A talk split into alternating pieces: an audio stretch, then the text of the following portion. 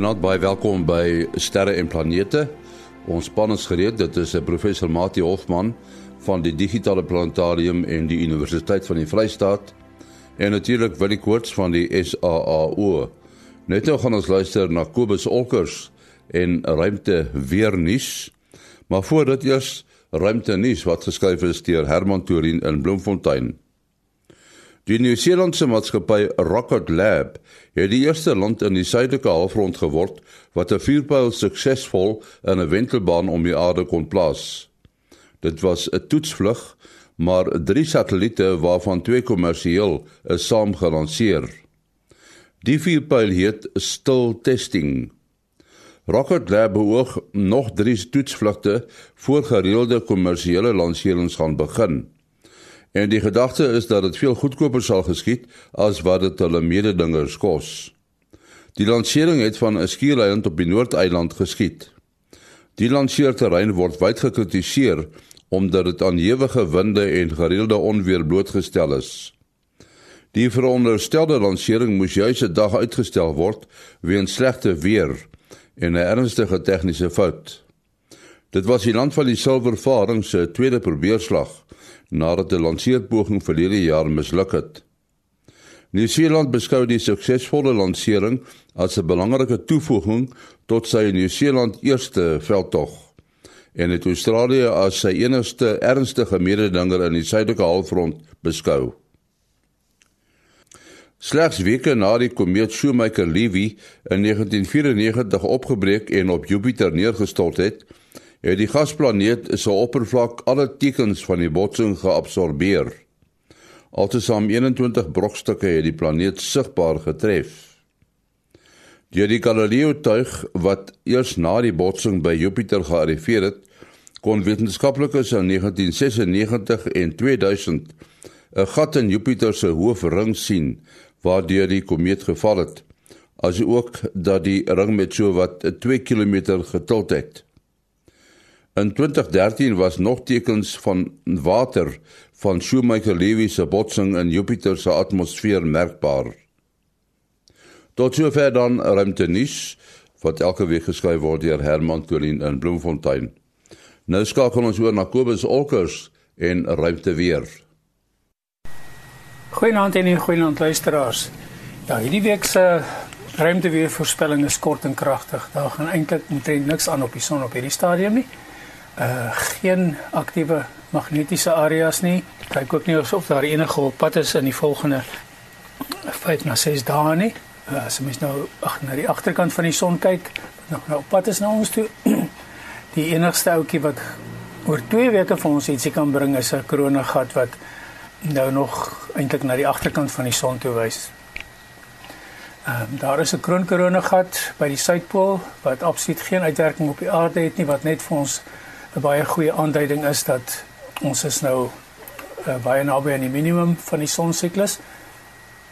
En daar is 'n klein uh koronagaatjie wat absoluut geen verskil gaan maak hier by ons nie, maar as gevolg van sy uh magnetiese diferensiaal kry ons dat daar 'n klein filamentjie aan die bokant van hom sit. Hy sal in elk geval eers uh na die einde van die week geostasionair uh, geo-effektief wees. Ekskuus tog vir daai een. Uh, hy sal geo effektief wees teen die einde van die week. Uh maar hy is so klein en ek sien geen kans van ontwikkeling op hom nie. So hierdie week uh rustig.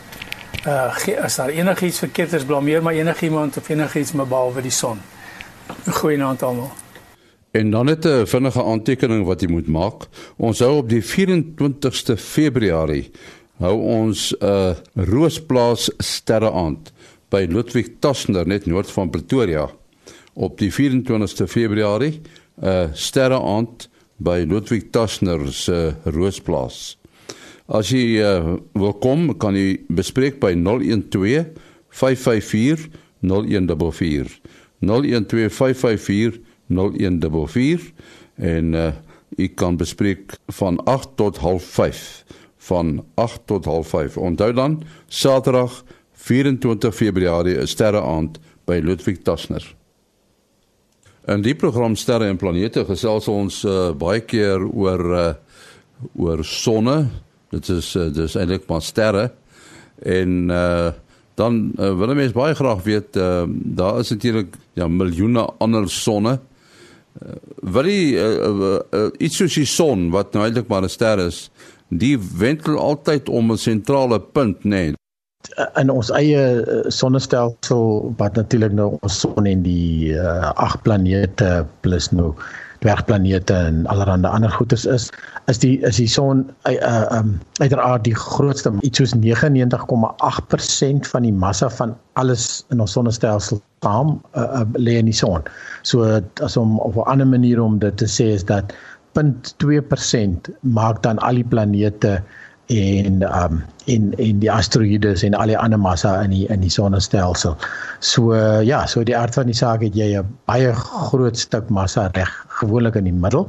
Uh meestal maar in die middel en uh so enige iets wat binne in die sonnestelsel sal beweeg sal uit die aard van die saak op uh swaartekrag uh, van die son afhanklik wees en om die son wentel ensovoorts en ehm um, uh so nou en dan kry jy ietsie wat nou om een van die planete byvoorbeeld die die plan meeste van die planete het maane uh en uit die, uit die hart van die saak is die maane dan baie naby aan die planeet relatief tot die son.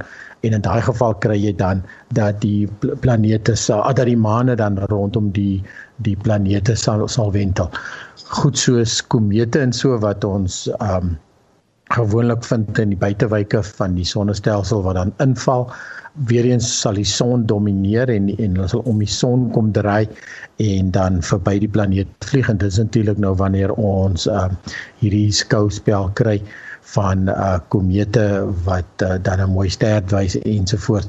Um nou uh die grootste planeet in die sonnestelsel Jupiter 300 maal so groot soos die aarde het natuurlik 'n baie groot swaartekrag invloed. Partymal kry jy dat iets soos Jupiter sal dan 'n komeet vang in die in die verbygaan. So as die komeet baie na aan Jupiter verby beweeg in sy baan kan jy kry dat ehm um, die die komeet dan om om skielik in 'n wentelbaan om Jupiter gevang word. Nou uh hier in dink is in 1984 daar rond uh nee 94 daar rond wyd het ons mos die uh, uh komeet uh, Shoemaker-Levy gehad wat um, eers vir 'n paar keer om Jupiter beweeg het en toe uiteindelik uh, ingeval het op op Jupiter.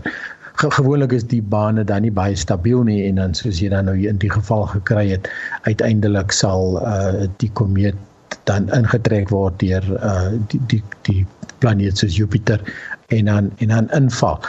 As jy dan in die, in die groter Melkweg kyk, die uh, sterrestelsel waaraan ons behoort, kry jy natuurlik ons ons son is eintlik so half noem dit nou maar 'n alleenster. Ons ons weet dat die naaste ster aan ons is is uh, 4.2 ligjare weg en die klompie sterre in in ons omgewing wat nou vir ons aanklik sal helder wees hierso op die aarde omdat hulle relatief naby ons lê sal baie maal ook deur uh, swaartekrag gebind wees en dan is is ons uh, sonnestelsel self bevind hom in een van die spiraalarms van die Melkwegstelsel. Ons Melkweg is ook 'n 'n spiraalstelsel en ons is omtrent so 2/3 uit van die van die middelpunt af. Die hele Melkweg sterrestelsel uh, is stadig besig om in in die ronde te draai en dan iets soos 200 miljoen jaar sal ons dan een omwenteling doen om die noem dit maar die middelpunt van die uh van van ons eie Melkweg. So ons son se se direkte swaartekrag invloed is is nie baie ver as jy daaroor dink nie. Die voyagers van die van die eerste interplanetêre sendings wat die planete gaan afneem het wat is dit nou hier by die 30 40 jaar gelede nou het al die die uh, een van hulle het al die punt bereik waar die uh, die swaartekrag invloed van die son soort van begin ophou. Ons praat van die heliopause uh so dit is dan of heliopause soos dit seker in Afrikaans noem waar die ehm um, die die die invloed van die van die son en en die interstellêre medium wat hulle noem waar dit dit dit, dit oorgaan daarna en hulle uh, wonderlik genoeg kon nog lesings neem. Uh die instrumente werk nog en en die lesings kon nog teruggestuur word aarde toe en um en ons kon wel sien dat dat die die omgewing skielik verander uh waarin Voyager beweeg. Maar ons uh, sonnestelsel op sy beurt wentel nou weer om die sentrale punt soos uh, wil jy gesê 200 miljoen jaar om uh, eenmal om te gaan. Die vraag is nou wat laat uh, die sterrestelsels om die sentrale punt wat laat dit uh, rondbeweeg om die sentrale punt? Is daar iets? Ja dit is 'n interessante ding. Mens kan vra maar hoekom is rotasie van stelsels of van voorwerpe op een of ander manier so algemeen. Uh, dit is so al vreemd om iets 'n stelsel of 'n voorwerp te kry wat nie uh, wat nie roteer nie. Nou in die geval van die van die melkweg moet die melkweg bymekaar gehou word. As iets roteer dan wil dit eintlik uh weet uit uit uit mekaar beweeg. Soos om nou maar 'n voorbeeld te te neem as 'n mens op 'n in 'n speelpark bo op daardie uh rotasie platform klim en jou nie vas nie dan val jy af. Dan wil jy net reguit uh pad aanbeweeg en om in die rotasie te bly gaan moet jy in 'n sirkelbaan gaan. So dan moet 'n krag wees wat na die middelpunt gerig is. En in die geval van die melkwerk word daardie krag voorsien deur die totale uh, massa van die uh, melkweg wat natuurlik seker meer as 100 miljard maal die massa van die van die son is. Dit is asof al daai massa effektief by die middelpunt is. Uh daar's natuurlik die supermassiewe gravitasie-kolk wat seker so 2 keer 2 miljoen keer die massa van die son het, maar dis maar 'n klein breekdeel van die totale massa. Uh dis nou maar een van die wonderlike dinge van gravitasie as jy 'n redelik simmetriese verspreiding van massa het in die vorm van 'n bol of 'n ronde skyf, dan kan jy die aantrekkingskrag op 'n bepaalde afstand vanaf die middel bereken asof al die massa wat nader as die voorwerp vanaf die middel is, se massa gekonsentreer is by die middel. Dit werk nou maar mooi uit die uit die wiskunde uit weens die omgekeerde kwadraatwet van die universele gravitasiewet waar volgens krag met die kwadraat van afstand afneem. Dit beteken as die afstand tussen twee voorwerpe verdubbel, dan word die gravitasikrag 4 keer kleiner. En as die afstand 3 keer groter sou word, dan uh word die krag 9 maal 9 maal kleiner. So dit lei nou tot daardie ons noem dit die uh, skuldteorema. Kyk, dit verklaar nou nog nie hoekom dit een in, in eerste plek roteer nie. Dit verklaar net hoekom dit bymekaar kan bly ten spyte van die rotasie. Daar is 'n krag weens gravitasie. Maar om die somme te laat klop, moes hulle postuleer dat daar ook uh, ons uh, weet onwaarneembare materie is uh, in die vorm van die donker materie. Anders is daar nie genoeg uh, materie om 'n groot genoeg krag vir die tempo van rotasie te voorsien nie, dan sou die melkweg uitmekaar gespat het. In elk geval, die rede vir rotasie moet ons maar gaan soek in die geskiedenis uh waar daar interaksies was. Die melkweg was nooit alleen nie, dit het al ander uh sterrestelsels geabsorbeer in die vorm van sagte botsings en dit het ook 'n 'n 'n oorsprong gehad uit al die gaswolke wat deur die ruimte vers, versprei is. So as ons nou dink aan 'n interaksie tussen twee voorwerpe wat mense nou in die vorm van 'n botsing kan beskou wat die een na die ander toe beweeg en hulle het uh, om daai rede interaksie of waar een 'n ander voorwerp uitgooi, dan is dit baie moeilik of onwaarskynlik dat daardie interaksie so sal geskied dat dit nie rotasie tot gevolg het nie. Dink nou maar net daaraan dat mense 'n voorwerp van af jou weggooi, dan moet jy hom baie presies vashou en baie presies hanteer indien jy nie wil hê hy moet roteer as hy weggegooi uh, van jou af weggegooi word nie. En dan het 'n mens nou die uh, uh, natuurwet behoud van draaimomentum wat beteken dat die totale draaimomentum van 'n geslote stelsel uh moet behoue bly. So as een deel van 'n stelsel draai momentum aan 'n ander deel oordra. Byvoorbeeld, ek gooi 'n uh, voorwerp van my af my van my af weg en daai voorwerp roteer dan. Daai rotasie sal 'n teenoorgestelde uh, effek by myself uh, moes hê. So sou mens kon uh, sien dat pare van hemelliggame mag dalk netto rotasie netto draai momentum van 0 het as hulle nou uh, met mekaar in 'n interaksie was, maar die interaksies het maar op een of ander manier gewoonlike rotasie tot gevolg. Dit sou ook kon verklaar hoekom uh planeet op 'n bepaalde manier uh uh roteer of hulle rotasie verander het weens botsings met ander uh hemelliggame.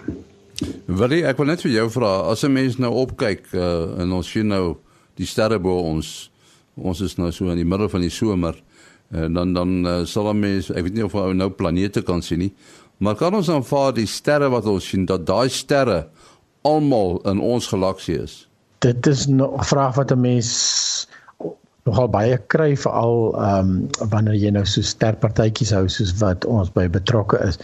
So die antwoord is is ja en nee, laat ek dit so stel. Natuurlik al die sterre wat jy kan sien, ehm um, sover ek weet is is almal deel van ons eie galaksie en ehm um, dan dan uh besef mense eintlik dat dat hoe naby ons eintlik maar net uh, kan sien.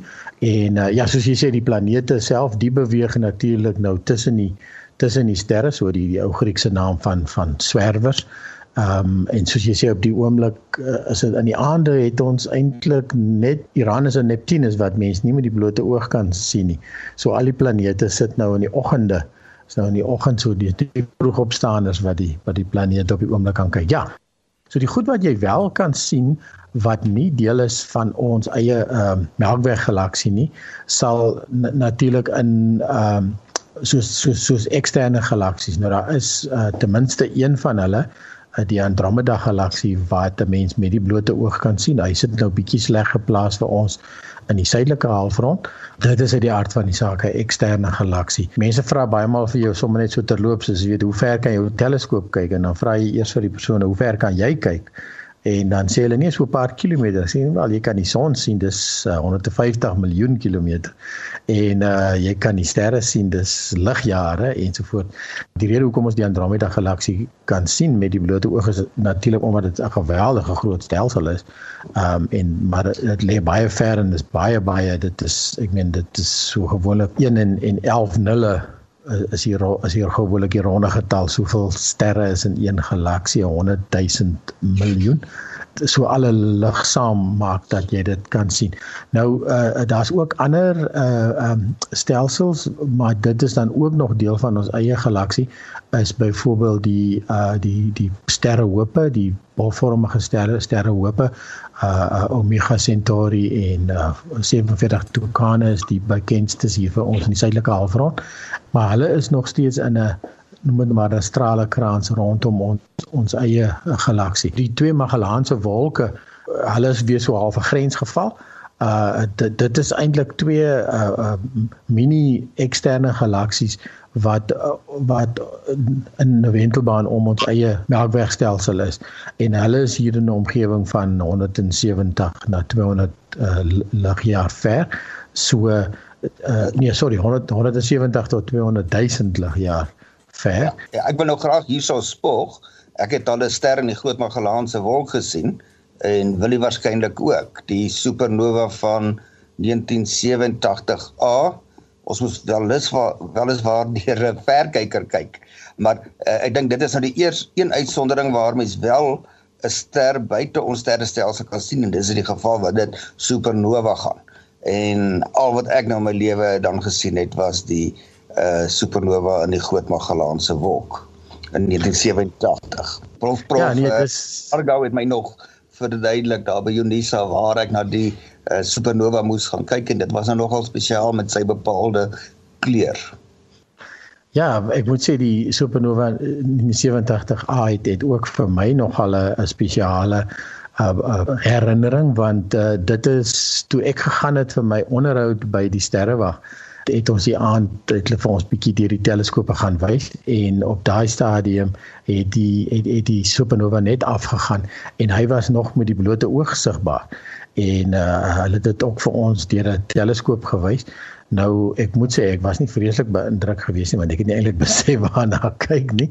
Uh, dit lyk net soos enige gewone sterretjie uh, is Saturnus Jupiter sou vir my dit eintlik beter gedoen het. Maar uh, presies as jy nou sê as mense agterna daaraan terugdink dan uh, dan dink jy hier het jy 'n ster individuele ster kon jy sien op 170 000 ligjaar. Vergelyk dit nou met die ander sterre wat jy met die blote oog kan sien is miskien nog 'n uh, paar duisend ligjare ver vir die helderste sterre soos die uh, drie konings is 'n uh, ongeveer 'n uh, 1000 ligjare. Ek sê seker wat is die verste ster wat mens met die blote oog kan sien nie dalk weet jy maar ek kan my nou voorstel dit kan so 'n paar duisend ligjare wees maar daarna gaan dit te dol word vir die blote oog.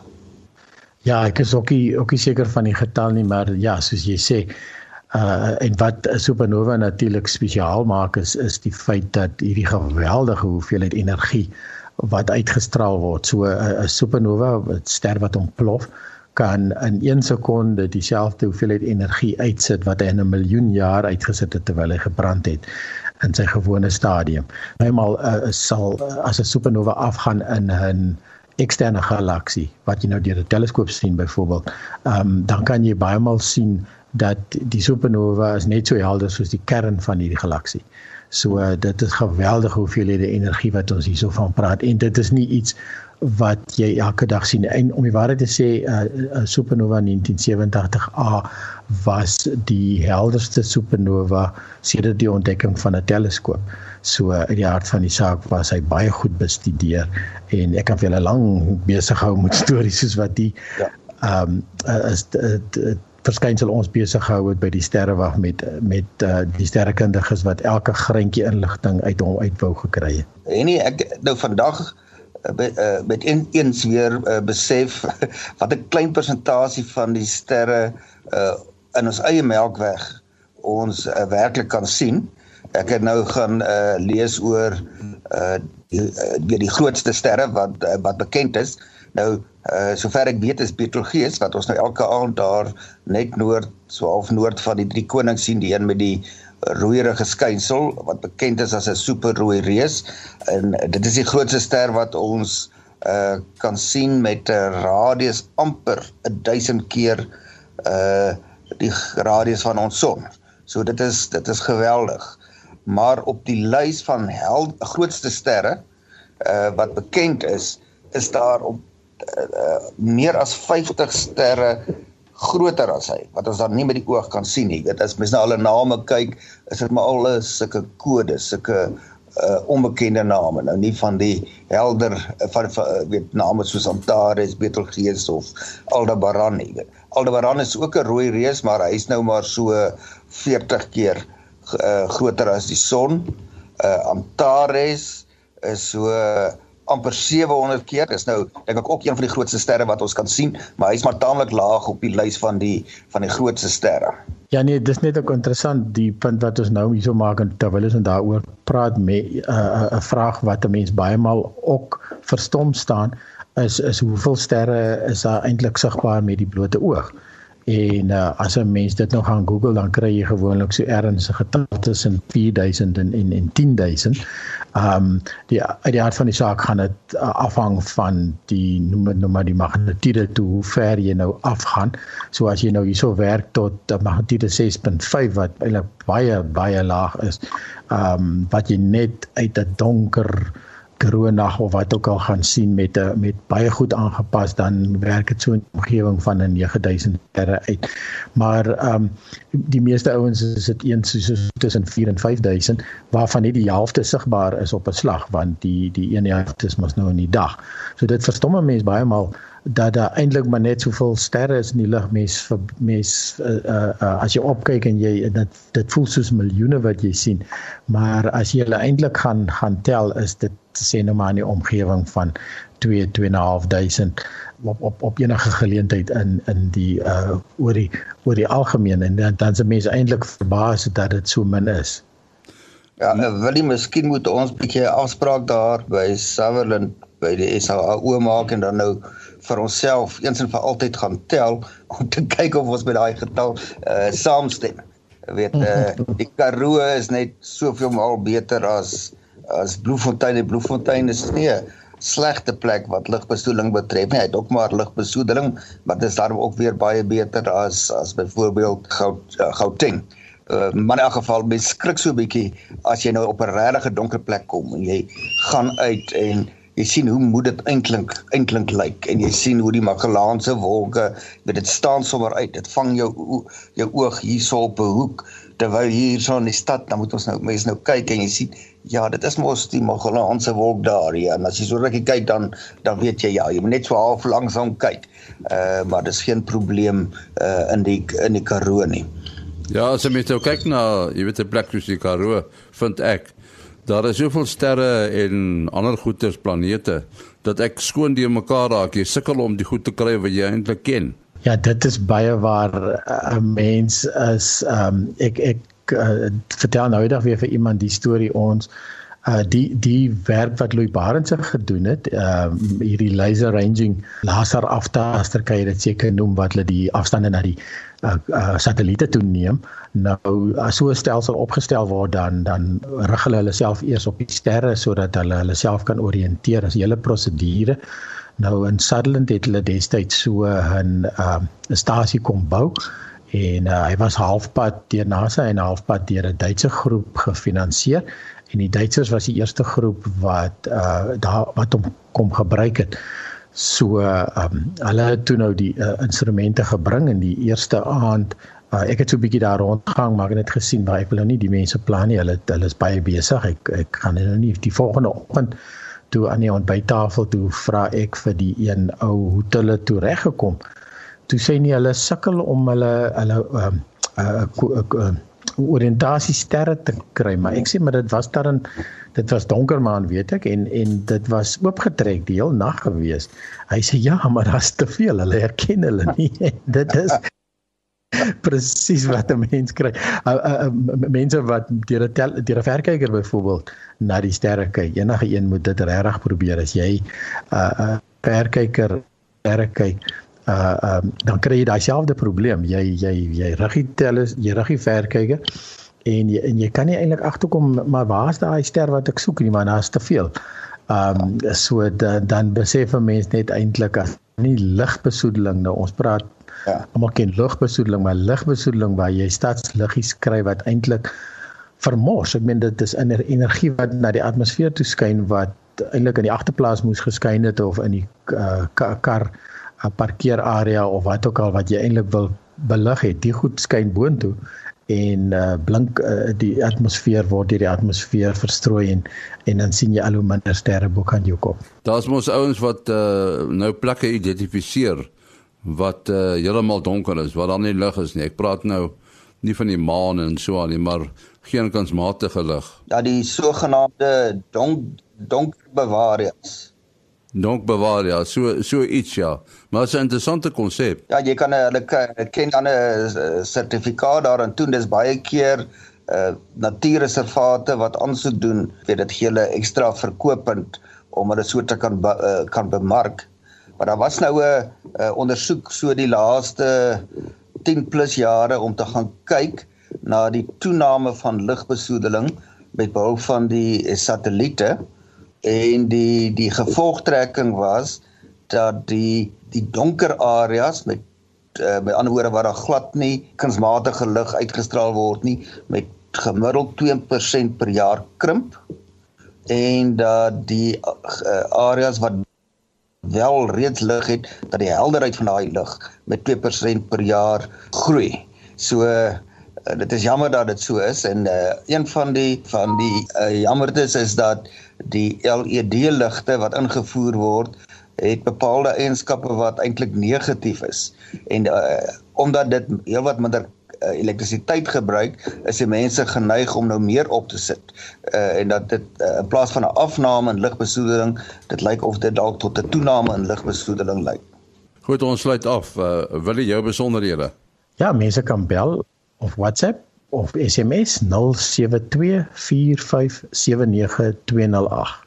0724579208. En dan maties adres 0724579208 en 0836257154 0836257154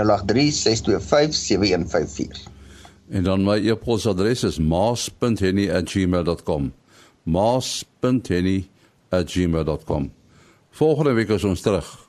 Mooi loop.